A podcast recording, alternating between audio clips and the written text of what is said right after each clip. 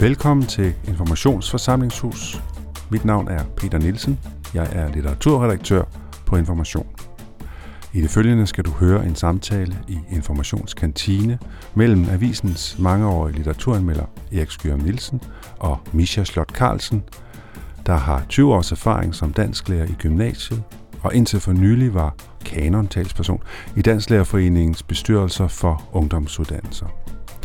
Erik Skjørm Nielsen har stået bag den litteraturkanon med udelukkende kvindelige forfattere, 12 i alt, som er blevet præsenteret i avisen hen over sommeren, og netop også er udkommet som bog med titlen Ud af skyggerne. Og det er det projekt, som i det følgende bliver præsenteret og diskuteret. Til at lede samtalen er Camilla Løfstrøm, ligeledes mangeårig boganmelder på avisen.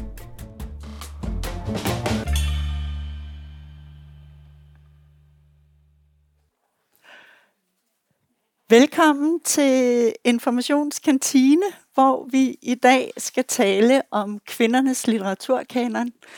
Jeg hedder Camilla Løfstrøm og kommer til at moderere samtalen her mellem Erik Skyrum Nielsen og Misha Slot Carlsen. Der, øh, Kvindernes litteraturkanon har været en øh, artikelserie, som har løbet i avisen hen over sommeren. Og nu er den så blevet til en bog ud af skyggerne, som man øh, naturligvis kan købe for penge her i dag efter arrangementet. Ja, men altså, øh, Erik har skrevet alle artiklerne, der nu er samlet i en bog, og øh, du kommer til at præsentere bogen nærmere lige her om et øjeblik. Og Misha, du har den flotte titel, som er kanondebattør. Det, øh, hvornår øh, hvornår øh, startede din karriere som kanondebattør? Det startede for tre år siden. Øh, ja, i, øh, med et øh, debatindlæg i politikken, som øh, reaktion på en øh, nybagt student, der havde haft en kronik i information, øh, og ud fra egne erfaringer som lærer, som mor, og som øh, på det tidspunkt øh, forperson for Dansk Lærerforening. Øh, sektionen for STX og HF. Ja. Og Misha, øh, hvis du bare lige skulle sige sådan i øh, overskriftsform, hvad er så øh, problemet? Problemet er, at vi i øh, næsten 20 år har haft en øh, litteraturkanon, øh, både til gymnasiet og til folkeskolen, men det er særligt gymnasiet, jeg kan udtale mig om, den, de gymnasiale uddannelser, som øh, har nogle problemer med at være kønsligt biased. Og det hele taget, så har den brug for at øh, blive opdateret, fordi en kanon skal øh, ikke leve for længe. Øh, fordi den kan hjælpe os med at huske og skabe en debat, men den kan også hjælpe os med at glemme alt det, der ryger uden for radaren i den daglige gørne og laden med litteratur i gymnasiet. Så det er sådan et overordnede problem. Og der er jo 13 kvinder og en øh, omvendt 13 mænd og en kvinde i øh, den her litteraturkanon til gymnasiet. Øh, og øh, jeg mener ikke, det skal nødvendigvis skal være 50-50, men jeg synes, det er helt ude af proportioner, fordi der er så mange øh, dygtige øh, forfattere, der har udgivet bøger, og også mange, der måske ikke er blevet udgivet, som det burde være blevet øh, og I måske ikke er blevet behandlet godt nok af øh, anmelderne, af forskningen, ikke, måske ikke har fået så meget opmærksomhed som deres mandlige kolleger. Så øh, måske skulle vi til at grave dem frem og prøve at øh, forny vores blik på, øh, på vores litterære kulturarv. Det er sådan et overordnet udgangspunkt. Det handler om at få en levende litterær samtale, som engagerer fremtidens læsere og nutidens læsere. Ja, og måske er ikke du endda øh, er blevet sat i gang af, til det her projekt af nogle af øh, Mishas øh, indlæg, og som du jo, altså du har gjort det arbejde sammen med Ditte Timmermand, skal vi lige huske Ja, jeg vil gerne være helt sikker på, at alle her har hørt mig sige, at min partner in crime hedder Ditte Timmermand, og hun har været, eller altså, vi var sammen, skal sige, øh, debattører, øh, efter jeg havde haft mit debatindlæg, øh, og har kørt hele den her proces sammen i tre år, og øh, er sådan set også stadig partner in crimes, men jeg er bare ikke gymnasielærer længere, det er hun. Ja. Men hvad satte dig i gang, Erik? Ja, for mig er der mange afsæt ja. i det her. Uh, selvfølgelig de senere års opblusende kanondebat med, med Misha og Ditte, som bare nogle af uh, aktørerne. Men selvfølgelig også længere tilbage uh, en provokation, uh, som jeg følte fra Brian Nielsens, eller Brian ikke Brian Nielsen, det var ham bokseren, øh, Brian Mikkelsens øh, kulturkanon i 2004, og så også øh, den gymnasie- og folkeskolekanon, som, som kom næsten på samme tidspunkt. Øh, der synes jeg, det var absurd, at der var så lidt plads til øh, kvindelige forfattere, og at der var så lidt plads til, hvad skal man kalde det, risikofølte øh, udnævnelser. Det var meget sikre navne der blev sat på de to lister, både til gymnasiet og, og folkeskolen. Hvis jeg skal gå lidt længere tilbage nu, øh, så erindrer jeg, at jeg er Bertel Horter, som altid sætter ting i gang, jeg ikke altid følger op på dem, øh, kom i et kanonudvalg øh, under ledelse af Hans Hauge øh, fra Aarhus Universitet. Øh, det lærte jeg meget af, øh, men vi fik også lavet øh, en gymnasiekanon øh, og nogle lister, som var meget mere fleksible og åbne, end det, som senere hen har været tendensen. Mm. Øh, og så vil jeg da også sige, hvis jeg nu er i gang med at fortælle erindringer, Camilla, mm. Mm. Øhm, at der i 70'erne var forskellige bøger, som jeg læste, men ikke tog konsekvens på. Aha, altså for eksempel ja. Pil Dallerups litterære kønsroller øh, fra 73, og øh, Ulrike Prokops kvindelige livssammenhæng fra 77, i hvert fald oversættelsen, den var ikke så mange, øh, der læste øh, her efter 2010. Øh, og så selvfølgelig også Kate Millett, øh, Sexual Politics, og Petra Milhofer, familie og klasse. Nogle af øh, de tilstedeværende er, kan jeg se, øh, så pas øh, voksne, så de måske har hørt om nogle af de, de nævnte udgivelser. Man kunne også nævne øh, Susanne Giese, der for kvindekamp, fra tiderne skifter, også 1973. Altså jeg læste de bøger, men tog som fagperson ikke voldsomt meget konsekvens af dem. Øh, og da så opfordringen kommer fra øh, informationsformidable litteraturredaktør Peter Nielsen, som sidder derhen og ser så sød ud, øh, om ikke vi kunne lave en artikelserie, øh, som havde lidt aktivistisk præg. Øh, så tog jeg det op, øh, og jeg synes, at det har været en fornøjelse at arbejde sammen med Peter om projektet, fordi øh, han har læst det hele, og ikke været bange for at sige, det der, det skal du bare ikke skrive, eller øh, det her kan du godt gøre bedre.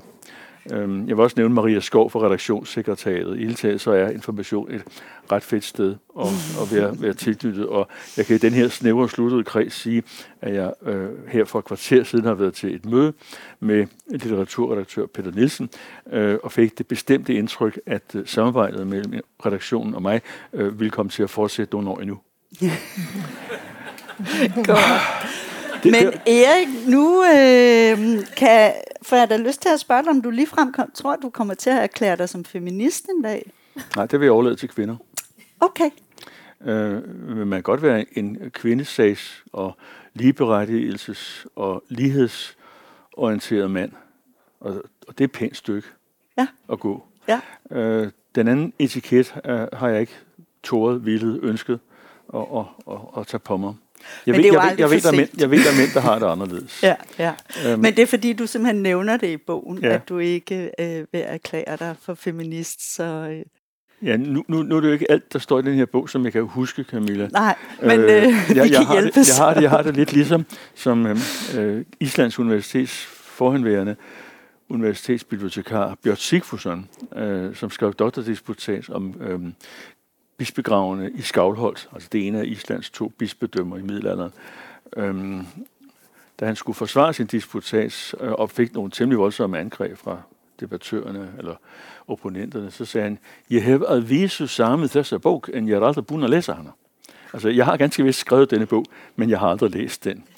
Øh, og, og, og, så, og sådan er jeg lidt ved at have det med, med, med denne her. Jeg skal mindes om, hvad der, hvad der, hvad der ja. står i den. Jamen, jeg skal nok minde om det, som jeg så kan huske. Okay. Ikke? Ja, godt. Så vil jeg ellers øh, bede øh, dig først, Misha, om at præsentere dig selv som litterat eller læser. Altså, forstået på den måde, at vi ved, at du har været gymnasielærer, men hvad betyder litteratur for dig? Hvad er dit forhold til litteratur? Altså, jeg vil sige, jeg er litterat med stort L. Jeg tænker i litteratur, og øh, alle svar på samfundsproblemer kommer øh, ud fra litterære citater i mit hoved. Så jeg vil sige, jeg tænker meget litterært, og øh, litteratur er når jeg har været gymnasielærer i øh, 20 år, så har jeg hver eneste gang, jeg har undervist litteratur, tænkt på, hvordan man videregiver øh, en fortælling om, om øh, det, vi sammen kan blive enige om, er vigtigt at lære de unge mennesker. Øh, og der har jeg et kæmpe ansvar for at, at videregive noget, jeg kan stå indenfor. Øh, så, så det, det er jo gymnasielærer, men mig selv som lærer, læ, læser, så er jeg øh, i meget høj grad øh, borget af sådan en humanistisk og altid interesse. Øh, jeg har oprindeligt læst øh, litteraturhistorie og idehistorie og dramaturgi. Det er det, der har formet min horisont. Øh, jeg læser bredt. Og jeg har læst rigtig mange mandlige forfattere, og jeg har også, vil sige, skrevet to øh, litteraturhistorier. Den første er faktisk bygget op omkring den her kanon, vi har. Øh, og den udkom i 2012. Og den anden er en revision af den, ny konceptualisering, der er udkommet i år, hvor øh, det handler om at øh, få vejet op på den her kønsskævhed. Og det er en bog, jeg oprindeligt skrev sammen med Maja Bøtger Hansen, øh, og så har jeg så lavet den her opdatering i år. Øh, og den kan også læses af andre end gymnasieelever. Øh, så for mig at se, ligger der også en selverkendelse i, at, at det, allerede dengang kunne jeg jo ikke stå inden for, øh, at det var de mænd, men nu var det nogle gange sådan, det var, og den bog var bygget op omkring kanonforfatterne, fordi vi skulle hjælpe gymnasielærerne. Så for mig at se, er hele mit forhold til litteraturen øh, meget intenst.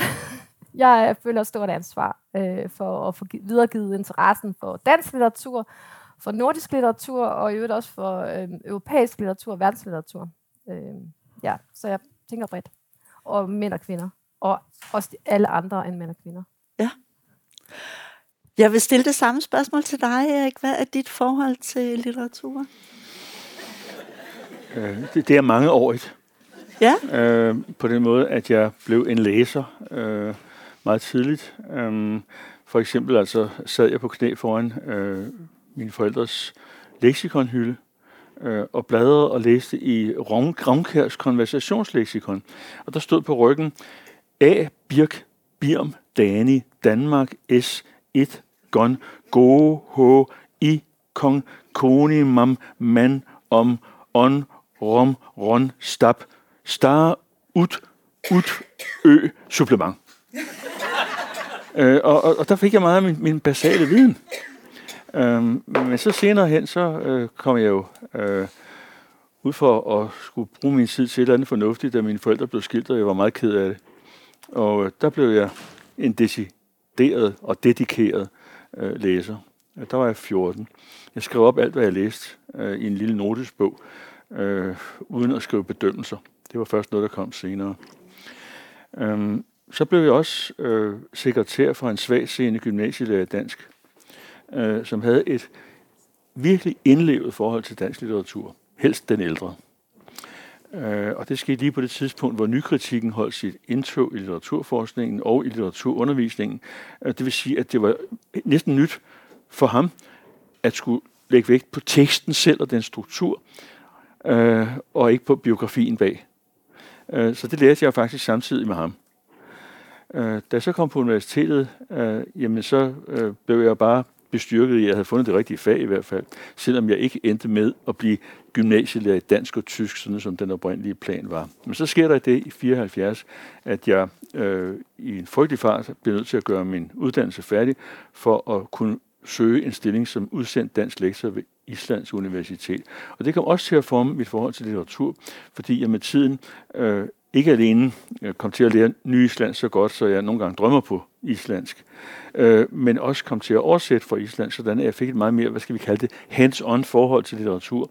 Altså, der er en masse bøger, som jeg ikke kan sige noget som helst fornuftigt om, fordi jeg selv har oversat dem og har fået et for nært forhold til dem. Mm. Men jeg tror, det har gavnet øh, at, at være øh, en, en oversætter, og ikke bare en litteraturforsker og, og litteraturunderviser. Det var sådan en privat selvlegitimeringsmanøvre, jeg har. Ja, og det er jo også, nu har vi også allerede noget sådan at hægte øh, samtalen op på. Altså, du taler om et humanistisk øh, litteratursyn, og så øh, nykritikken. Ja. Altså, at det, og, øh, det har vi i hvert fald, og, øh, at tale ud fra. Men der sker jo så også et skridt i, i 70'erne, hvor øh, repræsentativiteten eller repræsentationen i kanon og i pensum øh, bliver sat spørgsmålstegn ved. Altså, øh, kvindelige litteraturforskere og kritikere giver sig til at pege på øh, af svenske, først og fremmest Victoria Benediktsson, øh, og svensk sproget også Edith Södergran, øh, og af norske først og fremmest jo Camilla Collett, mm. og så Amalie Skram, som jo stort set skrev på dansk, indtil øh, hun, hun vendte hjem. Øh, der var allerede der øh, en uligevægt imellem, hvad jeg beskæftigede mig med som fagperson, øh, og hvad jeg så blev inviteret til øh, af, hvad øh, kvindelige forskere og kritikere opdagede. Og der vil jeg sige igen, at det, det var jeg alt for langsom til at tage konsekvens på. For eksempel senere hen, da jeg langt om længe blev ansat ved Københavns Universitet, at der blev ved med stort set at videreføre den samme maskulin eller maskulin domineret kanon. Og de fire forfattere, som du nævner der, dem havde jeg tænkt mig, at vi skulle ind på netop, ikke? fordi de er vanvittigt spændende. Altså Victoria Benediktsson, som jo også øh, skrev under pseudonymet Ernst Algren, og det er også det, der står på hendes gravsten på Vestre Kirkegård. Og så, øh, Camilla, ja, eller så nævnte du en anden svensker, Edith Södergran. Ja, og altså så, hun, hun, hun var jo øh, fra, fra Finland sådan set, ikke? Ja, Finland, men, men, men, men finsk og tysk, ja, ja. Øh, og, og, og så selvfølgelig svensk. Ja. Det var hendes sprog. Og så Amalie Skram, og så, øh, øh, og så til sidst øh, Camilla Collett. Og Camilla Collett øh, regnes jo for at have skrevet den første moderne norske roman bare for at smide sådan en lunds ud. Jo, og så var hun jo også aktiv som, som en tidlig feministisk, jeg ved ikke, om man kan kalde det feministisk, men i hvert fald en tidlig patriarkatskritisk ja, kritiker. altså øh, kvindesagspioner. Ja. Øh, og, og hun gik, øh, hun gik faktisk, øh, altså hun, hun øh, gik imod Brandes øh, hovedstrømninger også, og sådan nogle ting. Ja, godt. Øh, og det var jo så nogen, man kunne forestille sig, hvis man øh, fortsatte kanonprojektet, at man så udvidede til noget nordisk. Ja, der kan du jo sige, at øh, min selektion måske er for meget præget af den nationale tradition i litteraturforskningen, fordi jeg kunne male øh, have udvidet også, måske endda til islandske mm-hmm. øh, kvindelige forfattere og sagt, hey, der er nogen her, øh, som vi simpelthen mangler. Mm. Jeg blev mindet om en af dem forleden dag. Øh, jeg har været litterær guide for 20 folkekirkepræster i Island i, i sidste uge, og øh, i kafeteriet lige ved siden af Gejser, øh, der skubber chaufføren, som hed Ejner, øh, mig i siden og siger, hey, der er en mand her, du lige skal hilse på det var, det var sønnen til en af Islands nu afdøde store kvindelige forfattere, som stadigvæk er, ikke er oversat færdig øh, til dansk. Det var en stor oplevelse. Øh, og sådan er der flere. Mm-hmm. Altså uop, u, uopdagede eller u, urehabiliterede, ikke genudgivende, øh, ikke forskningsmæssigt fyldesgørende behandlede forfattere, forfattere, som ikke har fået deres potentiale brugt, i undervisningen, hverken på folkeskole, gymnasie eller universitetsniveau. Øh, jeg opfatter øh, ud af skyggerne øh, som, som en begyndelse til mm-hmm. noget, som kræver mange, mange flere aktører end bare lige mig. Ja. Men øh, lad, os, øh, lad os lige få præsenteret øh, bogen, det du kan huske af den, Erik. ja, man kan, også, man, kan også bruge, man kan også bruge teknikken fra Louisiana Litteratur. Ja.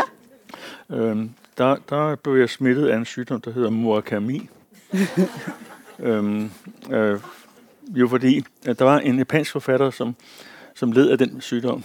Øh, som, som, som, til, som til alt, hvad der blev, blev spurgt om, sagde, øh, ja, jeg har skrevet den bog, jeg kan ikke huske, hvad der står i den, jeg er i gang med en anden. Mm. Og den synes jeg måske er lidt billig. Så hvem har du skrevet bogen til, hvis jeg skulle ja. med det? Jamen, jeg tror, den sidder mellem to stole. Mm-hmm. Øh, fordi jeg vil kalde den for øh, formidling, ja. og ikke forskning. Men øh, på den anden side formidling baseret på læsning og genlæsning. Øh, det var meget stor fornøjelse at kunne benytte sig af Institutbiblioteket på Institut for Nordiske Studier og Sprogvidenskab, hvor jeg har været ansat i 20 år, hvorfra jeg nu går på pension. Øh, der står alle bøgerne. Altså øh, Olivia Levison, for eksempel, som kaldte sig Sylvia Bennett. Der står hele forfatterskabet. Øh, Thomasin Gyllenbos, både samlede og enkelte skrifter. Øh, Karin Michaelis, Marie Brendal. det er bare at gå hen og tage dem, og jeg skal sige denne her snævre sluttede kreds, at øh, man kan gå lige ind fra gaden og mellem 10 og 15 øh, gå ind og læse i de bøger og få meget nemmere adgang til dem, end for eksempel gennem Folkebibliotekssystemet eller Kongelige Bibliotek. Det har været et stort privilegium for mig, og meget af bogen er skrevet på den læsesal.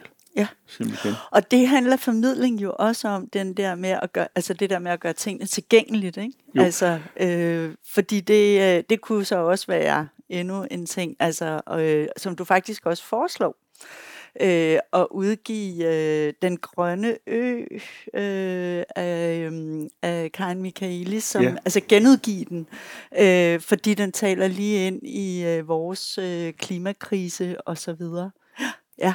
Så. Men, men der er også en anden side af det, og det er, øh, at selvom det er formidling, jeg har lavet, øh, så er det altså forskningsbaseret i den forstand, at jeg har øh, søgt at pløje øh, det litteraturhistoriske og litteraturkritiske øh, landskab øh, for, hvad der er skrevet om de pågældende forfattere, og faktisk har øh, citeret og krediteret dem øh, bag i bogen.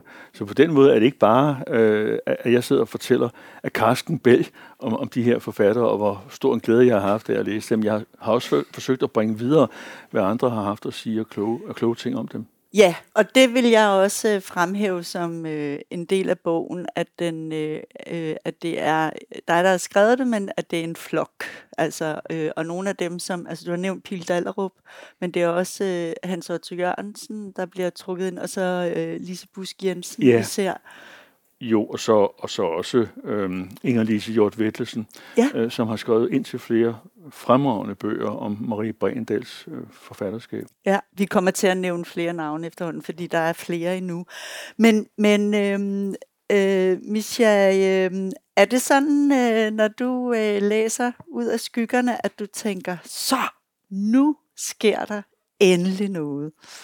Altså, det synes jeg da helt klart. Øh det er vigtigt, at, øh, at der er en forsker, som tager det her op, og det er der jo også andre forskere, der har gjort, eller andre litterære personer, øh, i, øh, der enten har baggrund som forskere, eller Hans Otto Jørgensen, der har været øh, øh, rektor for forfatterskolen, og, øh, så, som har gjort. Og, men her er det helt eksplicit et indlæg i kanondebatten, og det synes jeg, og så må jeg sige, i den her lille lukkede kreds, den bliver større, når den bliver når det her øh, bliver pod, når man lytter ved som podcast, men øh, det er giver lidt ekstra kraft, at det ikke kun af os kvinder. Men at der også er... Øh, det, det er sådan et usagligt argument. Det kunne jeg ikke skrive i min anmeldelse. Fordi det har jeg egentlig ikke lyst til at tælle med i. Men jeg synes, det gør et forskel for debatten og for tyngden i debatten, at, øh, at øh, den position, der taler, øh, også øh, skal sige, øh, Erik er, har mange årtiers erfaring og pondus som forsker og formidler og oversætter. Øh, og så derudover også i en tid, hvor man taler meget om repræsentation, nu ligesom at sige sig at være et andet køn end mig. øh, fordi jeg synes nogle gange godt, debatten kan havne i et hjørne, fordi det mest er kvinder, der udtaler sig, øh, eller, eller øh, folk, der ikke er non-binære. Og så går det hen og, og appellere til en, øh, en ufrugtbar diskussion, fordi ikke, ikke at vi gør det, men der er nogen, der så sætter sig over et andet sted og begynder at skyde på, på os, som om vi vil cancellere det hele, øh, og det er slet ikke det, det handler om. Det, jeg rigtig godt kan lide ved din bog, det er, at den inviterer til at genlæse. Læse og genlæse og genopdage. Og øhm, jeg faldt selv over den her anbefaling af den grønne ø, for eksempel. Jeg synes, den taler så meget ind i vores tid. Øhm, Karin Michaelis taler rigtig meget til de unge. Og hun havde 150 års fødselsdag sidste år. Der var hun næsten ukendt, indtil Katinka øh, gjorde hende kendt øh, og gjorde unge interesseret i, i hendes forfatterskab. Det er bare et godt eksempel på en forfatter, der røg helt ud meget langt ud i skyggen, til trods for, at hun endda har talt om månebørn og andet, der kunne lyse skyggen op. Og netop derfor skulle man måske tage fat i hende, for hun har åndsynligt inspireret store øh, verdenslitterære navne, som for eksempel Reine Marie Rilke, når hun interesserede sig for månen. Hun kom før ham, hun var stor i Tyskland, i hele den tysktalende øh, verden. Nu var han så fra øh, det østrig-ungarske område, men det tysktalende område har hun jo været en stor person i, Øh, og der har man ikke stillet spørgsmål til, om, om hun var øh, om hun var værdig. Øh, måske på samme måde, som vi har gjort her. Øh, jeg ved ikke. Så, så jeg øh, hilser den velkommen, og, glæder, og i det hele taget, den grønne ø, jeg appellerer jo også til en særlig dagsorden lige for tiden, der fylder meget hos de unge, hele den grønne bevidsthed. Øh, og spørgsmålet om at starte et andet sted, måske at finde et mere humanistisk, øh, bæredygtigt udgangspunkt for at være menneske. Øh, fordi den handler om at bygge et nyt samfund op, øh, og den er skrevet, er udgivet i 1933, så vidt jeg husker, øh, jo midt i en øh, forestående apokalypse, øh, øh, som jo handler om at måske prøve at finde et andet alternativ, både på skuldrene af feminine, en feminin øh, tilgang, og også på skuldrene af en humanistisk tilgang, og i det hele taget i en øh, bæredygtig øh, samklang med den natur, øh, vi er en del af. Øhm, så det synes jeg er rigtig oplagt, og så kan man jo læse barnet af hende, øhm, som øh, også, som de der jeg, så også har skrevet forord til, den udkommer snart på Dansk Lærerforeningens forlag. Øhm, og er utrolig oplagt at læse ikke kun for teenager, men den handler jo, det er jo sådan set måske den første, det kan du måske lige fortælle, om jeg har ret i, den første øh, ungdomsroman. Man har tit talt om, at det var den kroniske udskylden. det passer slet ikke, der kom flere før Rifbjerg.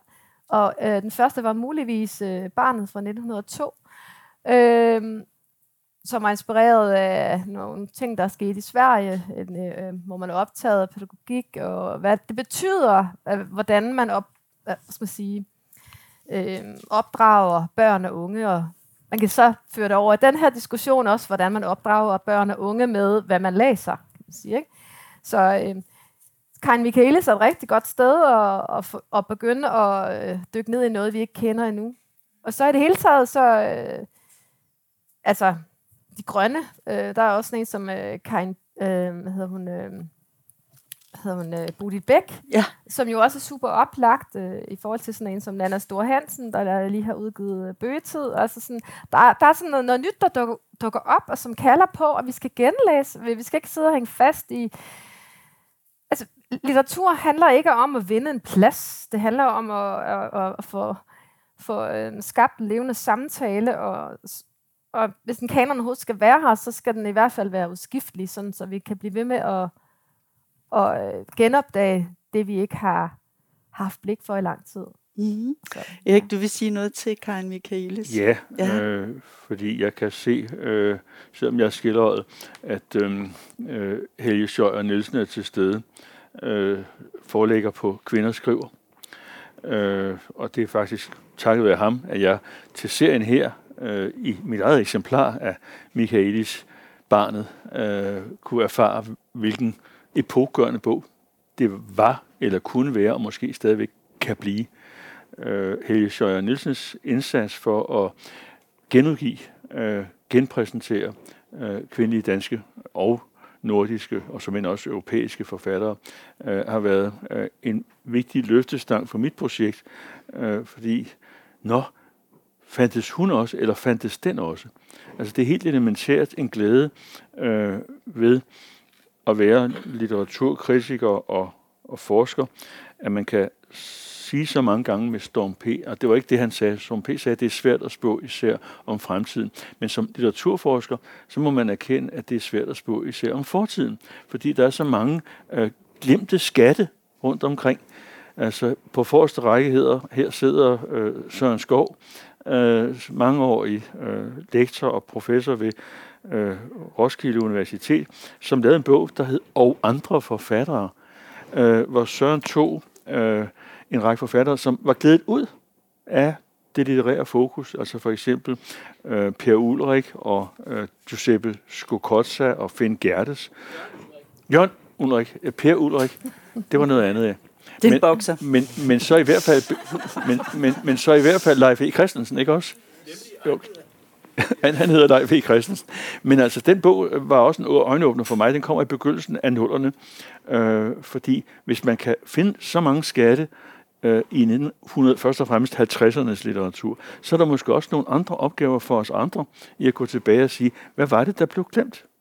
Og glemselen har i meget høj grad sænket sig over betydelige kvindelige forfattere. Der kommer Lise Busk Jensen i øh, indledningen til romantikkens forfatterinder 1-3, altså hendes doktordisputat, mm. med en øh, betragtning, som har været gavnlig for mig. Hun siger, at dengang samtidspublikummet fremhævede forfattere som øh, Thomasine Jullenborg først og fremmest, men også senere Marie Bregendal, så var der ingen tvivl om deres format. Fordi de havde en kæmpemæssig læserskare af overvejende kvindelige litteraturslugere. Men da så læserskaren, som var i samtiden, dør ud, så overlades det til kritikerne og litteraturhistorikerne øh, og leksikonforfatterne at finde ud af, hvem der skal huskes. Og så indtræder det, som også Søren Skov har beskrevet, øh, nemlig altså øh, litteraturforskningens uheldige fødekæde. Altså det, som vi har i øh, forbindelse med pesticider, at øverst oppe i fødekæden, øh, der øh, ophobes miljøgiftene. Det er vi ganske vist ved at komme væk fra nu. Men, men det har været meget tydeligt i litteraturhistorieskrivningen, at øh, de, som baserede deres skriverier på andres skriverier, og måske på andres skriverier om andres skriverier, at de havde en tendens til at ophobe en glemsel i forhold til, hvad der engang havde været vigtigt, og måske igen kunne blive det. Giver det mening? Ja, og det øh, har du jo husket at få med i bogen. Lise Busk Jensens øh, beskrivelse der, øh, og som jo også, øh, altså øh, det kunne jeg bare godt tænke mig også at knytte an til det, du sagde øh, i starten, Misha, med, at vi måske også skal til at kigge nogle andre steder hen. Altså, øh, måske endda udvide øh, vores værkopfattelse, altså at måske private breve, dagbøger osv., øh, kunne være noget, som vi også skal til at, øh, at kigge på. Ja, men så kunne jeg godt tænke mig, Misha, fordi det er jo, øh, det er jo øh, rigtig fint, at du siger, at det er godt, at der også er en mand, der taler om øh, manglende kvinder i kanon. Men det synes jeg også, øh, altså nu pakkede du det også ind og sådan, ikke? men jeg synes også, at det er svært, fordi hvis det skal godkendes af mænd, før at det virker, så gentager vi jo bare den historie, som vi kender. Og vi kan jo sige, at altså, Victoria Benediktsson, hun tog til København for at blive godkendt af Geo Brandes. Øhm, og øh, Camilla Collett, hun var en lidt anden type, så hende kaldte Brandes en af de vrede damer. Og der tror jeg bare, at det er rigtig vigtigt at, altså, at huske de der ting, og så faktisk øh, stille sig op og være en vred person. Altså, øh, det vil jeg bare lige sige. Øh, og i øvrigt, så er det jo øh, øh, skønt, at øh, mennesker af alle køn interesserer sig for kanon, men at øh, det der med, at, øh, at det er jo også de ting, som vi bliver klar over, når vi læser de her 12 øh, kvindelige forfattere, som, øh, som du har skrevet om, Erik, at øh, vi bliver også klar over, hvad der forventedes af kvinder, og hvordan kvinder skulle opføre sig i det offentlige rum øh, for at være øh, gode borgere, ikke? altså kunne blive gift. ja. Nu ser jeg, at du på din, din bogbunke har Horten. Øhm, jeg, jeg, var, jeg var lidt sur.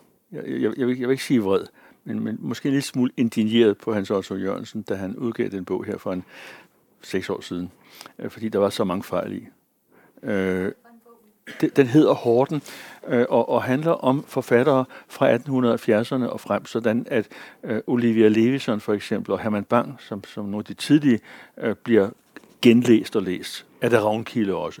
Og sådan at han får plads øh, til, øh, ja, for eksempel jo altså øh, Ernesto Dalgas, øh, og så øh, ikke mindst hans, sin favorit, øh, Marie Brendal. Men, men den bog har for mig været af betydning, øh, fordi så mange af de ting, som Hans Otto Jørgensen fremdrog, var noget, jeg aldrig havde set før i litteraturforskning. Altså nogle friske læsninger, hvor han også får nogle dimensioner af en mandlig forfatter som I.P. Jacobsen frem, som forskningen ikke tidligere har været opmærksom på. Hans Otto Jørgensens bog var et godt eksempel på, at det er svært at spå især om, om fortiden. Og på den måde jo en gave mm. øh, til, til den læsende verden. En revision af det moderne gennembrud. Ja, Det kan man roligt kan sige. Man, kan man kalde det. Altså ligesom, ligesom Pil Dallorps uh, Det moderne gennembrudskvinder i, i 1983 var uh, en revision af og et frontalangreb på, på Georg Brandes og hans Det moderne gennembrudsmænd fra 1883, så formår altså Hans Otto Jørgensen i, i Horten uh, at, at se med, med friske øjne Ja, og det er faktisk også noget af det, som jeg godt kunne tænke mig at, øh, at tale om med jer, fordi øh, Hans Otto Jørgensen, han fremlægger øh, sine vurderingskriterier øh, også i denne her udvælgelse. Altså, at han, øh, han beskriver en modernisme, hvor man ser med en flues mangefacetterede øje. Og så går han også øh, op i, at en, øh, en prosafortælling, altså om et menneskes liv for eksempel, at det ikke behøver at være sådan en udviklingshistorie, at det kan gå øh, op og ned. Så det er jo sådan to, øh, øh, to meget vigtige kriterier, som han interesserer sig for, og det vil også sige, at så kan han hive nogle forfattere ind, som øh, ikke er så øh, belyste, og læse I.P. Jacobsen og Herman Bang og Johannes V. Jensen på nye måder. Ikke? Jo, men man kunne også fremhæve øh, Jørgensens efterskrift til Hulda Lyttens Dejens hus. Øh, Hulda Lytten blev i sin samtid ikke ligefrem berømmet for sin prosakunst. Øh, den var lidt skæv og anderledes. Og så siger Hans Otto Jørgensen, jeg prøver nu at se her, øh, den er fragmentarisk, den er opstykket, øh, det enkelte kapitel står og svæver for sig, men den kan da sagtens læses, hvis bare man kan hoppe fra isflag til isflag. Mm.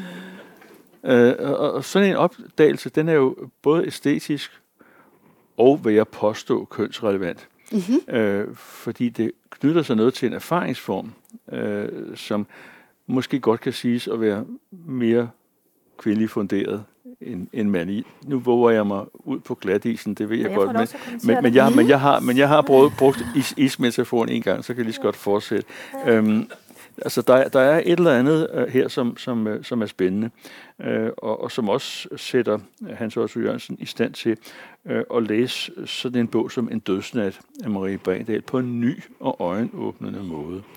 Uh, hvor meget man skal knytte det til binaritet eller køn, det, det er jeg usikker på. Men jeg konstaterer bare, at det åbenbart lader sig gøre for Jørgensen at forene øh, et æstetisk blik med et stof og motiv og kønsorienteret. Mm-hmm. Øh, og derfor også så også været en, en, en ledestjerne for mig øh, at prøve at, at lave nogle læsninger, som jeg måske ikke havde vendet mig til i forvejen. Mm-hmm. Dem skal vi tilbage til, men du skal have lov at sige ja. noget først, Michelle. Så, øhm, jeg havde også nogle kommentarer til noget, du sagde før, men mm. øh, jeg vil også godt kommentere på en dødsnat. Vil du bare lige starte med en dødsnat? Så vil jeg sige, at... Øh, Anne-Marie Bredal. Anne-Marie Bredal. At det er jo virkelig et eksempel på... Han nævner jo også, Hans Otto Jørgensen øh, andet sted, også, at, øh, at det kunne også have været et bud på århundredets bog, dengang det så blev kongens fald og vandt. Ikke? Øhm, og øhm, jeg vil sige, jeg har så læst den, eller dele af den, ikke, ikke i dens helhed, øh, med elever. Øh, og jeg må bare sige, hver gang jeg har læst den, så er det dukket mere og mere op. Og lige præcis en dødsnat er også et godt eksempel på, hvordan øh, så sige, hun bliver tit sammenlignet med sådan en som Herman Bang, og det var helt et spørgsmål om, hvorvidt man øh, har en stemme i sig selv som kvinde, øh, eller hvorvidt man først er noget, fordi man legitimeres fordi man ligner en anden. Og øhm, så spørgsmålet om, har man Bang nødvendigvis er patent på den skrivestil, han har haft, den her mere, det er jo også en fragmenteret skrivestil i øvrigt, øh, øh, en hvis juridiske køn i hvert fald øh, ikke var kvinde. Øh, og øh, hvad hedder det, som kunne se nogle andre ting, og fantastisk forfatter, som jeg holder meget af og har beskæftiget mig meget med. Øh, men det, der også er et godt eksempel på, lige præcis med hende, det er, hvor meget hun har at byde på. Og hver gang jeg har læst den, jo sværere har jeg faktisk oplevet, at, at det har været bare lige at klappe den af med eleverne, fordi der er så meget dybde. Hun er tydeligvis inspireret af Nietzsche. Øh, der er en religionskritik, øh, der bliver, altså, som i kapitel 5 øh, virkelig træder frem, øh, hvor der er den her undrende børnehøjde, øh, hvor øh, øh det er tydeligt at se, at det er en, en voksen, der styrer mikrofonen, kan man sige, mm. ned i børnehøjde. i forhold til en religionskritik og en værdikritik. Øh, og den kan de unge jo i øvrigt se. Det behøver jeg ikke at bede dem om. De kommer selv med det. Øh, og ja, det kan godt være, at Marie Brendal skriver ud fra landet, men øh, nu har vi jo Golden Days som landet. Måske er det super oplagt lige præcis at fremhæve den lige nu, som noget, der siger, altså, der er virkelig er guldkorn i, øh, og som fortjener en helt anden status. Og så igen, så kommer spørgsmålet så, er hun så kun noget, fordi en mand har fremhævet hende? Herman Bang har også fremhævet hende, ikke? Øhm, og det, det er selvfølgelig det, der hele tiden er problemet, for nu var jeg ved at rulle tilbage til, hvor jeg egentlig havde lyst til at lige svare igen. Øh, fordi øhm, det er jo også noget af det, som jeg fra, øh, stusser over. Øh, og du sagde selv, at det var forfriskende, at det var en, hvis øh, personnummer og juridiske køn formod, form, formoder jeg, er, er ikke er kvinde i hvert fald, ikke? Der sidder ved siden af mig. Øh, og det er ikke i sig selv, fordi du skal legitimere, men det er fordi, det er rigtig godt, at der er flere stemmer, der melder sig i debatten. Så vi kan få en, altså i stedet for at tale om os og dem, måske kunne tale om os sammen. Vi er mennesker. Mm. Øh, vi er øh, mennesker på den her jord sammen, og vi skal gerne blive ved med at være sammen, i stedet for at bekrige hinanden. Og jeg synes, der er, lige for tiden er en meget ufrugtbar samtale i vores debatklima, som er sådan en... Og der, der, der har jeg mere brug for, at vi kan tale sammen om, lad os prøve at nysgerrigt udforske, udforske noget, vi ikke kender. Og, og ja, det kan da godt være, der kan være en vrede, og jeg, jeg kan da heller ikke se mig fri fra en eller anden form for meget tempereret, øh, hvad skal man sige, et velopdragende forsøg på at tæmme, at, øh, at jeg der har været temmelig... Øh, jeg har været gymnasielærer siden 2003, og har været der indtil 23. Øh, og jeg blev opdraget til den her kanon, der skulle søsættes. Og jeg synes, at det var virkelig uretfærdigt, øh, at det var sådan. Øh, så, og hvorfor skulle det være sådan? Kunne det virkelig passe? Og, men man bed det i sig, og så var det sådan, det var. Men allerede dengang var det jo også en, skal sige, en øh, identitetspolitisk øh, udnævnelse, at det blev lige præcis de 14, som afspejlede øh, både øh, politisk klima og så også litteratursyn, og der kommer vi til det andet, du også sagde for lidt siden. Måske, hvad var det egentlig, man læste? Man læste mere nykritisk måske, men man glemte at se på repræsentationen af, af hverdagserfaringer. Og det er det, vi begyndte at se på igen, ikke? Øh, og, eller er begyndt at se på, og som virkelig kalder på en revision. Øhm, ja, der er, der er for eksempel Tue Ditlev, som der har, har kaldt på det. Øh, og det kan også være øhm, sådan en som Charlotte Dorothea Biel, er tilbage fra 1700-tallet, øh, som bliver læst i stor stil i historiekredse. Øh, hende kunne vi også læse øh, som litteratur. Øh, Udover hendes drama, kunne man også godt læse hendes øh, breve. Ikke? Altså, så, og så er der Leonore Christine Ulfeldt, øh, endnu længere tilbage, øh, som også skrev med udgangspunkt i selvbiografien, og vi har haft for travlt med at synes, at det var ikke fint. Ikke? Øh, måske var der noget, vi overså. Også, så talte vi om Amalie Skram, jamen, øh, professor Hieronymus, og de to, øh, især de to øh, interneringsromaner. På Sankt Jørgen. Øh, på Sankt Jørgen, ja. Der, og, ja. Øh, de øh, handler om, jeg skal sige, nøgleromaner om hendes eget forhold til at, blive, at være i behandlingssystemet. Mm som det sætter ned på. Så der er simpelthen brug for at få opstillet øh, nogle kriterier for en ny måde at læse på, hvis vi skal tage det alvorligt, at der er en, en litterær kanon. Øh. Og det der jo også er, øh, tænker jeg, det er, at det er nogle, øh, nogle menneskelige erfaringer, mm. som øh, er blevet øh, forbund, altså er blevet kaldt kvindelige erfaringer, i stedet for at blive kaldt almene og universelle erfaringer. Sådan en ting som, at vi alle sammen er blevet født. det må være en, øh, en almen øh, erfaring. Øhm, og der tænkte jeg nemlig også på øh, altså, øh, den interesse, der er nu for det reproduktive arbejde, og for, øh, og, altså der har været sådan en bølge af svangerskabsrealisme, ikke? at øh, der er i, øh, der tænker jeg også på Dejens Hus af Hulda Lytken, som øh, jeg især husker for en øh, så voldsom, altså voldsom på alle måder voldsom, øh, fordi det handler om liv og død scene med en mor, der ammer sit øh, barn med ganespalte. Altså, hvordan skal det barn få mælken øh, sunket? Altså, øh, og det er så noget, som øh, er, synes jeg er interessant, inden Olga Ravn skrev mit arbejde, så efterlyste hun på Facebook, hvor er der, hvor står der noget om amning? ikke? Ja. Og det, altså, så det, det viser jo bare, hvor, hvor glemte de her forfattere, altså Olga Ravn er jo en øh, altså, flittig læser, ikke? Altså, øh, så det er så vigtigt at øh, få de her erfaringer frem, og så øh, Øh, øh, eller fortælle, at de, de er, eller de, øh, de har været beskrevet øh, længe, for længe siden også.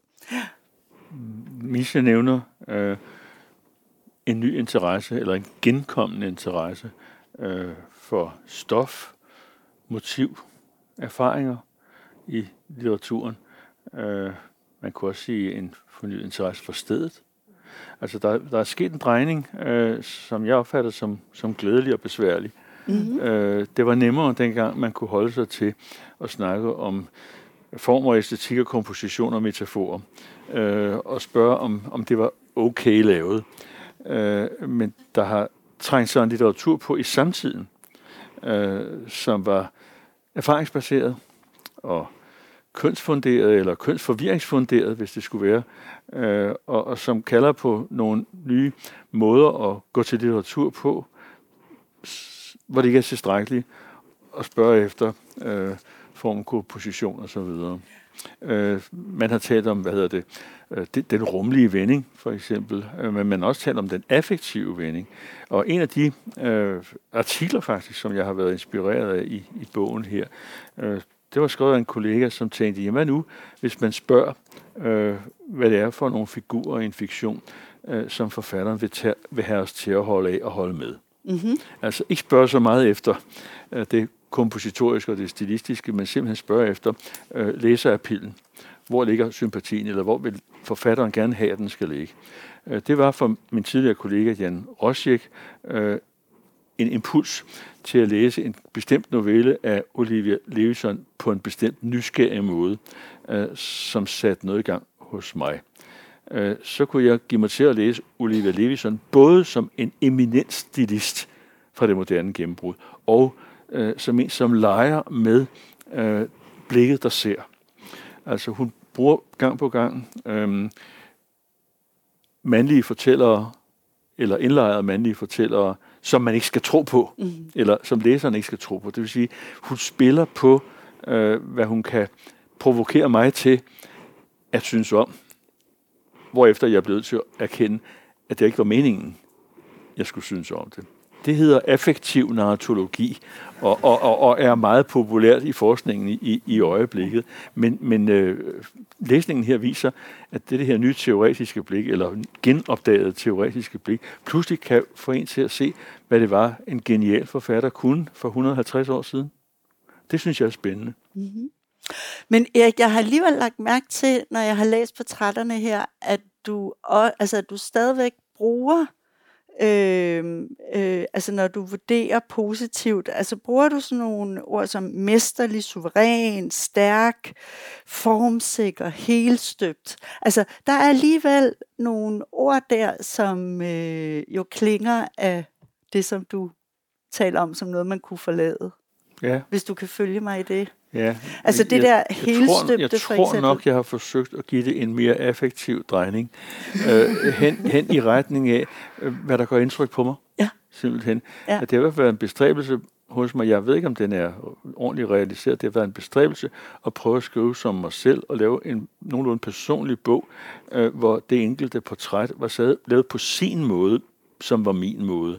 Øh, I stedet for, at jeg bare skulle reproducere, hvad andre havde sagt, og lavet portrætter, øh, som lignede andre portrætter.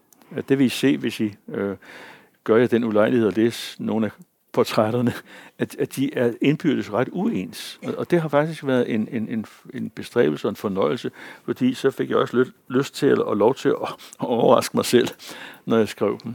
Øh, de er sådan set alle sammen lavet i den samme rytme. Altså, at jeg læste og læste og læste, øh, og så pludselig, så skulle jeg holde en lille pause, og så kunne jeg skrive det enkelte portræt på ret kort tid, fordi nu havde der samlet sig et, et indtryk, og så kunne jeg ligesom selv komme ind i forhold til den, til den pågældende forfatter. Det mener jeg selv har gavnet nogle af, af, af portrætterne, øh, sådan at de er blevet, blevet på en måde mine øh, i et møde med den pågældende forfatter. Og hvis det så er sket, at jeg har brugt nogle af de der mesterlige suveræn og så videre, så, så pokker heller det. Det er jeg ikke så flov over. Jeg er mere glad for, hvis det har lykkedes mig at fortælle, øh, at her har jeg haft en læseoplevelse. Her er der sket et møde for mig. Men man kan i hvert fald sige, at med sådan en som Hulda Lytken, som øh, vi vist alle tre er varme på, altså at der er jo i hvert fald, øh, der tager du sådan noget op med, at hun er samtiden øh, blev kaldt for meget, og så gå ind i det. Det kunne være noget af det her øh, affektive. Ja. Ikke? Og hvad så? Der stod overspændt, så vidt jeg husker. Ja. Hun blev kaldt overspændt, ikke? Jo. Jo, der, der lapper det en lille smule over en tidligere bog, den der hed øhm, En særlig del af naturen, øh, hvor jeg øh, læste et af Hulda Lyttenes digte, det der hedder Regn, øh, men også inddrog noget biografistof, og blandt andet den der vidunderlige scene, hvor øh, Tove Ditlevsen, efter hun var gift med og begyndte at bo sammen med redaktør Viggo F. Møller, øh, hvor de to får besøg af Hulda Lytken en, en aften, og det meget, meget tydeligt fremgår, at, at, at Hulda ikke bryder sig om, at Tove overhovedet er til stede, og måske overhovedet eksisterer. Øh, altså det der portræt af Hulda Lytken og hendes, hendes formejethed, øh, tog jeg med i, i den bog, men ikke i denne her. Mm. Blandt andet fordi jeg jo ikke ville reproducere mig selv. Men jeg, jeg synes, den, øh, den der vinkling øh, af en meget stærk kvinde, mm. som hun har været, øh, som en gang imellem tog en tur fra Bangsbo Strand, hvor hun boede, øh, det meste af sit liv, øh, og så til København, hvor hun altså turnerede øh, og dominerede øh, i litterære kredse, og når hun så havde fået for meget, eller de havde fået for meget af hende, øh, så tog hun hjem igen til den blå kyst. Øh, jeg er glad for, at jeg har lært Hulda Lytten at kende, og, og måske forstår hende lidt bedre, end bare, at hun var for meget. Men må jeg lige sige, jeg, her, jeg synes også, det er ret typisk, at man har sagt om kvindelige forfattere, at de er for meget. Ikke? At det er ligesom altid det, der bemærkes, og det hele mærkeliggørelsen af det, af kvindens position. Der, der er ligesom sådan en forfremdung-teknik, der handler om hele tiden at sige noget om, at kvinden er for meget, kan man sige. Ikke?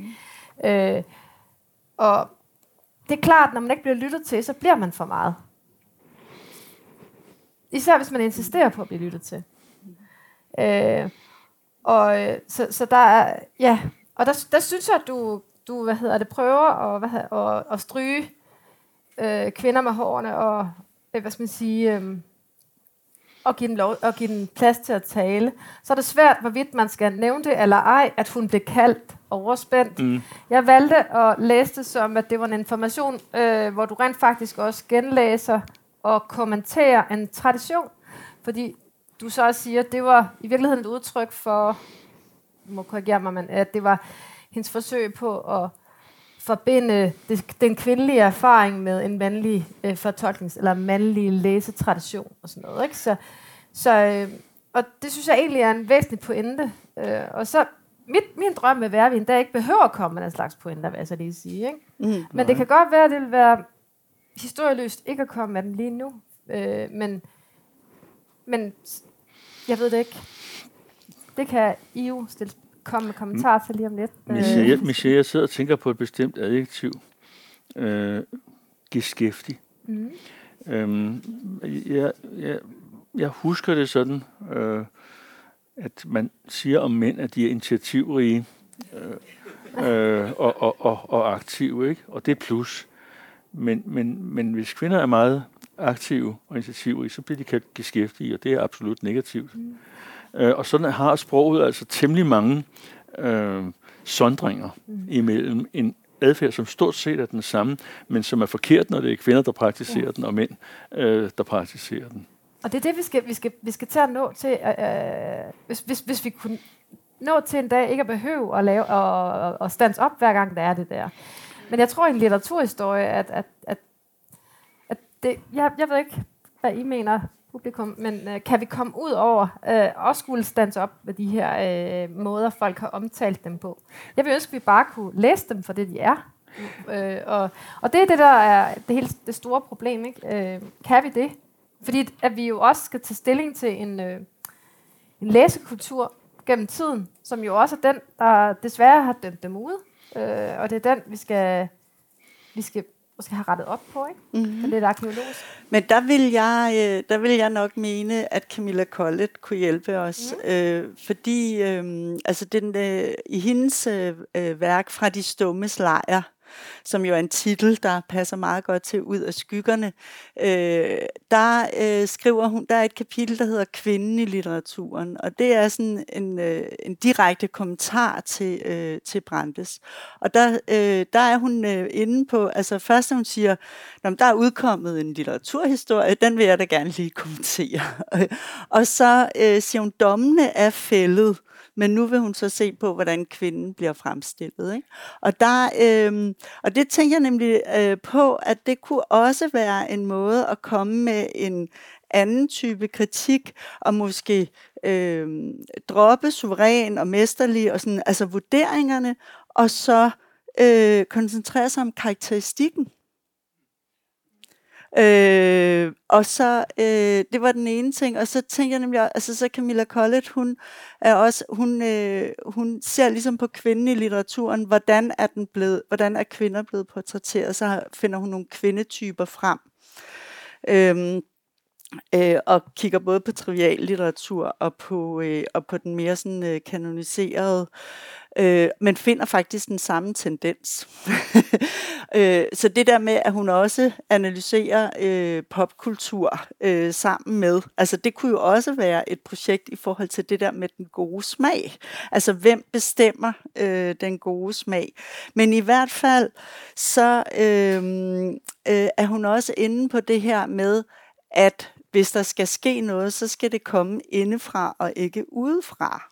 Erik. Og det vil jeg så sige, altså, hvordan har du overvejet din rolle i det her, altså nu hvor du er mand og skriver kvindernes litteraturkanon? Øh, kvindernes litteraturkanon er en undertitel, som Information har fundet på. Øh, jeg, jeg, jeg lever med den, ja. øh, men, men der kunne jo godt have stået øh, Eriks version af kvindernes litteraturkanon. I, øh, I indledningen til bogen får jeg skrevet, at jeg ikke er ude på at få ret, hverken i min selektion eller i min vinkling af det enkelte portræt. Det er et bidrag til en mm. samtale, som har masser af aktører, og hvor meninger kommer til at brydes mod hinanden. Øhm, jeg synes, det er trygt at være i et miljø, hvor vi er uenige. Mm-hmm. Øhm, der er også noget terminologisk, som jeg kort kommer ind på, og det er, at når vi snakker kanon, øh, så snakker vi for mig ikke om pensum. Altså, man kan have sine personlige favoritter, og vi kæmper som kritikere, forskere og undervisere for at få vores favoritter frem i lyset og sat opmærksomhed på dem. Øh, hvis det lykkes, øh, så kan det måske komme ind i en kanonliste. Øh, og når så kanonlisten bliver omsat i undervisningspraksis på folkeskole og gymnasie og måske også universitetsniveau, øh, så kan vi begynde at snakke om pensum, fordi der er nogle bestemte titler, der går igen og igen. Øh, jeg er ikke særlig bange for at udnævne kanonforfattere, og jeg har det egentlig helt fint med, at øh, man i en tid, nogle årtier af gangen, øh, kan enes om, hvad der skal være i, i, i pensum.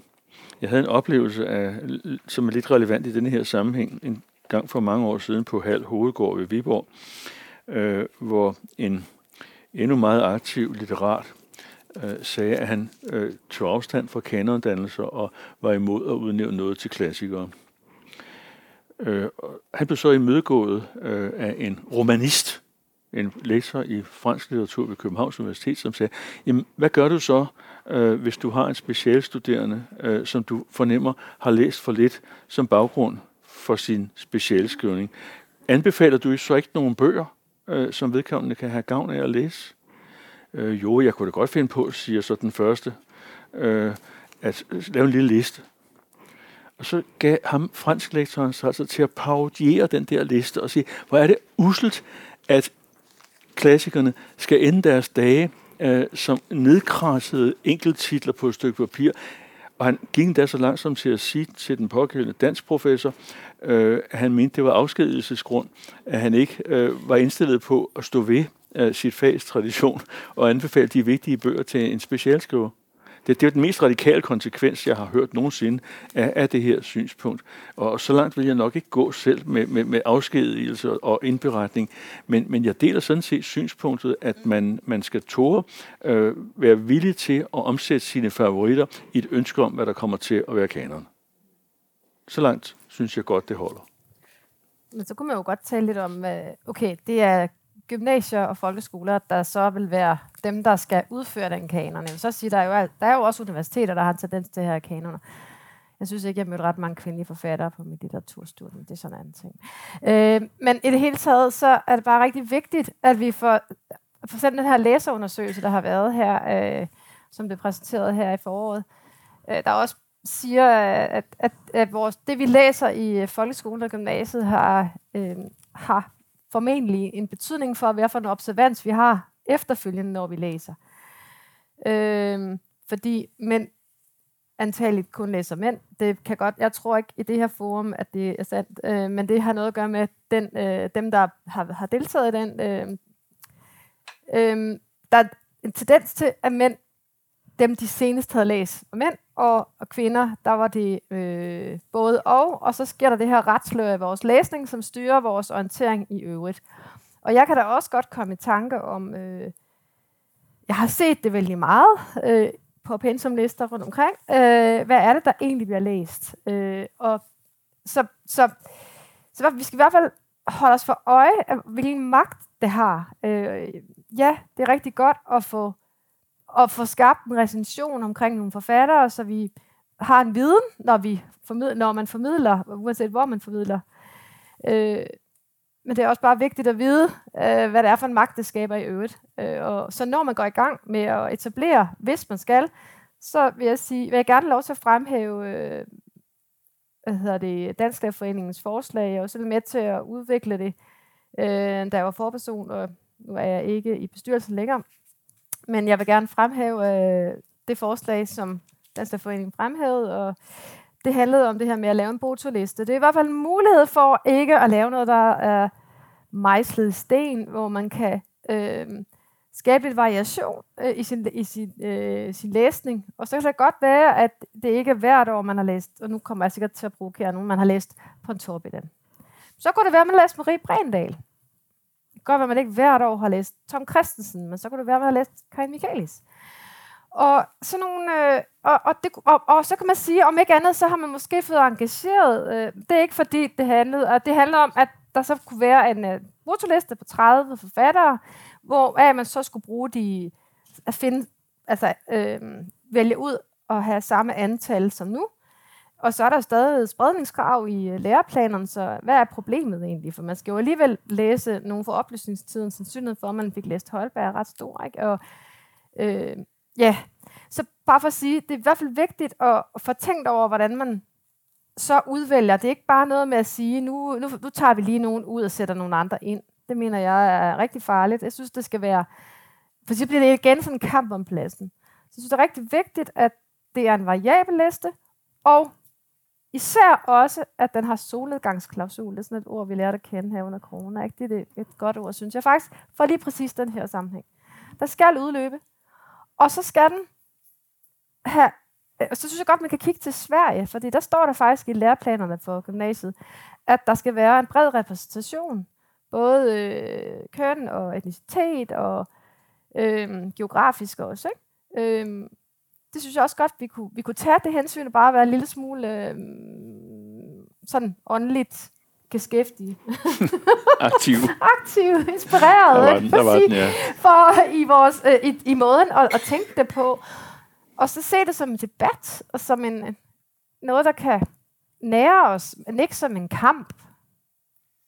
Så det, det synes jeg bare er så vigtigt at få sagt. Øh, ja. Og så vil man også overlade et større fagligt ansvar til lærerne. Ja, det synes jeg er rigtig vigtigt, for jeg vil lige sige, at dansk faget gymnasiet, det er særligt det, jeg kan udtale mig på vegne af, er jo normeret nogenlunde på niveau med engelsk B. Og det ved jeg ikke, mange af jer har måske ikke lige gået gymnasiet efter det system, men det betyder, at der ikke er så super mange timer, og der er virkelig meget, man skal nå på tre år. To år på HF. Øh, og så, så der, der, der er også noget, man lige skal have tænkt over, at der skal være en eller anden form for fleksibilitet for læreren, for at det også bliver en interessant dialog med eleverne. Jeg er sikker på, at eleven har lært mest, hvis man har haft en frugtbar smittende dialog med sin lærer om, hvad øh, litteraturhistorie er. Øh, ja, og uanset hvad, så har de alligevel aldrig læst præcis den samme tekst, nødvendigvis, som alle de andre i resten af landet. Øh, har de alle sammen lige læst Hosekrammeren af blikker? Det er ikke sikkert. Sandsynligheden er der, men, når de har læst blikker, men, øh, men og, og, ja, så, så det, øh, det, og så, så sidste vigtige ting også, det nordiske perspektiv skal også med. Ja. En, en, en lille bitte tilføjelse, Misha. Øhm, det slog mig, mens jeg arbejdede på serien her, øh, hvor meget øh, bras og lort øh, blikker offentliggjorde. Øh, bortset, bortset lige fra de der 6-7 noveller, som har kvalitet. Altså øh, Silt i opvågen, Hosekrammeren, øh, Brudstykker Landsbydejens dagbog, hans første virkelig fantastiske, eminente, suveræne tekst. jo, og så, og så præsten i Vejleby, præsten i Vejleby også, og måske ja. et par stykker til. Ikke? Resten af det, det er så elendigt, og, og, og lavet bare fordi der skulle fyldes øh, stof i tidsskriftet øh, Nordlys og i andres... Og tjenes penge. Ja, ja, det var det. Ja, ja, ja. Men hvorimod, hvis du tager Thomasine Jyllenburgs forfatterskab, som er, ligger, ligger i samtiden, så er det alt sammen godt. Og det mente Søren Kirkegaard også. Ja, kan jeg lige tilføje. Mathilde Fibiger kunne jeg godt tænke mig, at vi også lige kom omkring. Og det øh, vil jeg rigtig gerne, fordi der ser jeg altså en mulighed for at øh, altså virkelig at, altså at læse samtidig litteratur øh, sammen med, øh, med hendes øh, Clara Raffels øh, 12 breve. Og det er i forhold til det her med at, øh, at give venindesnakken en højere status.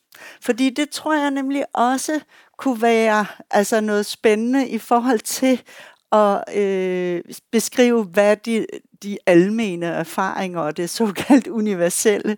Og der er noget omkring, at det der øh, teenageværelse, hvor især øh, øh, piger bef, øh, befinder sig, at det, det har ikke så høj en status.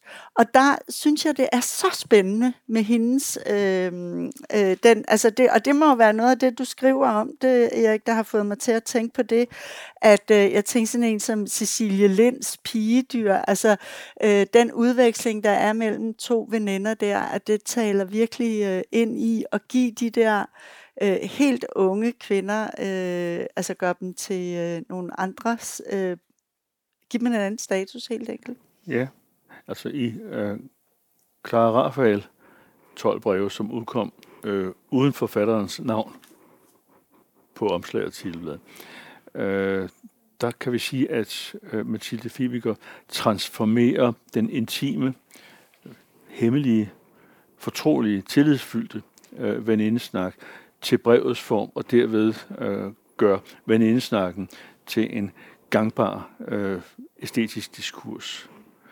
Øhm, noget af det, der vil jeg så sige, er lidt nyt i Ud af skyggerne, det er, at jeg også har læst øh, Mathilde Fibigers øh, emancipatoriske skrifter, mm og har læst den, der hedder øh, En skitse for hverdagslivet, som ikke er særlig god, men, men som giver en anden vinkel på det, øh, fordi hun der faktisk altså øh, lader sin hovedperson blive øh, øh frelst i sidste øjeblik fra en voldtægt, øh, af en kunstmaler kunne hjælpe med.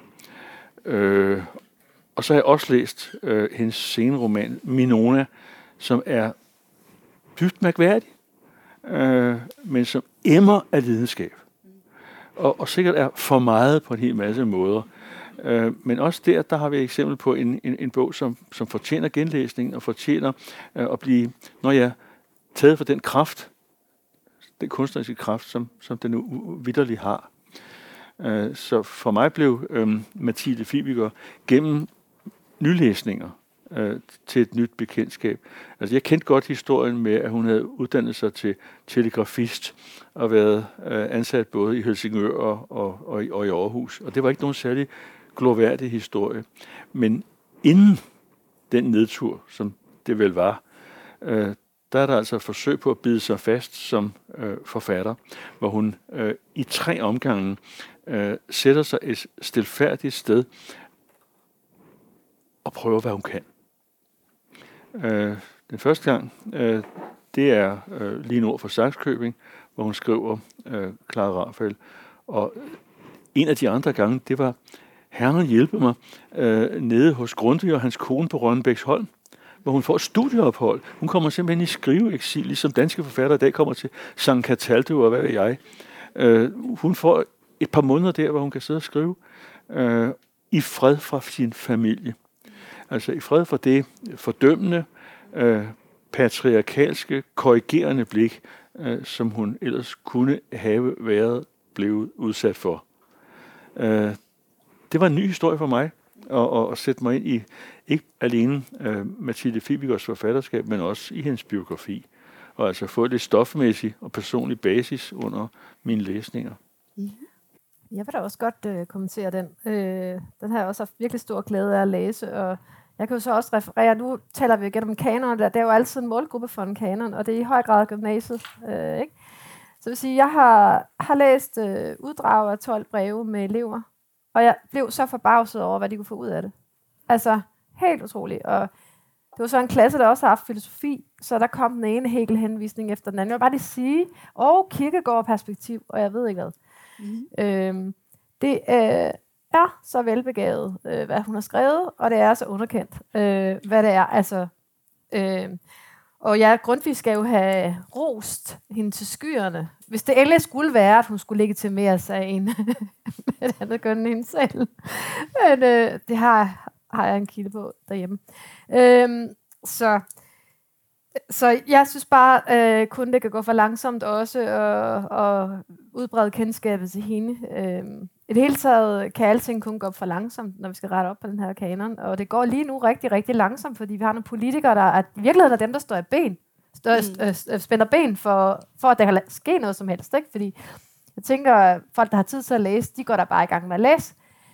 Men øh, de her unge mennesker, der er genstand for en kanon, faktisk også sige det på den måde, det er jo det, de er. Mm. Øh, altså, som skal danne skænden. De har ikke så meget tid, for de skal lave lektier i mange fag og skal også have tid til at være unge. Altså, de skal have vagt deres blik for, og deres sans for litteratur. Og der er hun et meget oplagt emne, vil jeg sige. Ikke? Ja, også hende. Nu kunne jeg godt tænke mig at blive meget lavpraktisk. Ja. Øh, det er selvfølgelig rigtigt, øh, at vi har øh, sandalserien forlaget øh, Gladiator. Vi har haft forsøg på klassikerserie også på, på Gyldendal. Øh, vi har det danske sporlitteraturselskabs danske klassikere, mm-hmm. som omfatter over 100 titler. Mange af dem er udsolgt og ser ikke lige ud til i morgen at blive genoptrykt. Jeg sidder heldigvis i et underudvalg, som skal tage stilling til, hvad for nogen, der skal genoptrykkes. Men vi har simpelthen et tilgængelighedsproblem. Mm. Øh, at tekster, som altid burde være til at få, om så blot øh, i print-on-demand versioner, at de er bare ikke blevet tilgængeliggjort. Øh, I Sverige øh, har man øh, i en slags underbank til det svenske akademi gjort meget for at øh, tilgængeliggøre i digital form klassiske tekster eller bobler, altså tekster, som øh, boblede og måske en dag kunne komme op i kanon og pensum og blive klassikere og hvad ved jeg. Men vi bagefter her i landet med hensyn til digital øh, tydeliggørelse og synliggørelse af tekster, som fortjener at få nyt liv. Også i forhold til Norge.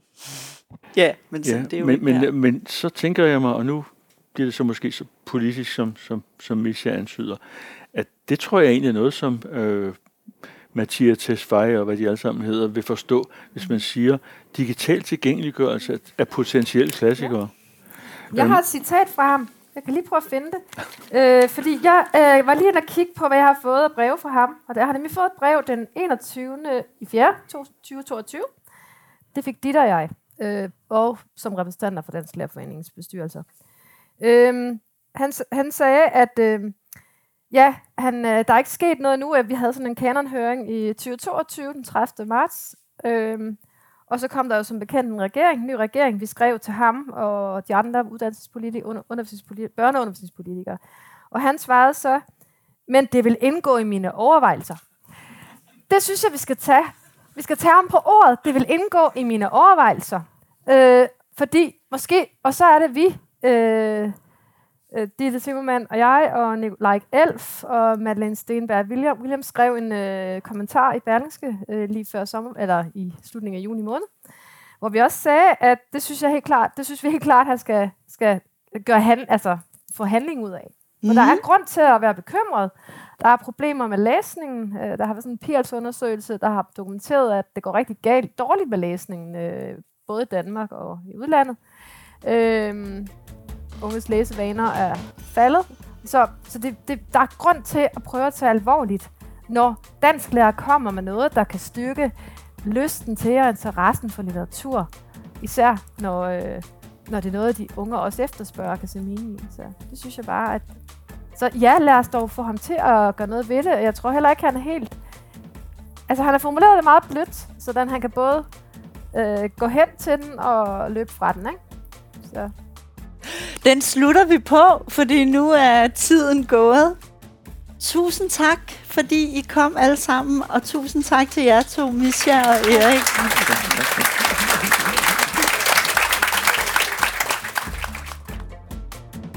Man kan finde flere samtaler fra de arrangementer, som bliver afholdt i Informationskantine inde i podcastkanalen Informationsforsamlingshus, som man finder der, hvor man nu også hører sine andre podcasts. Thank you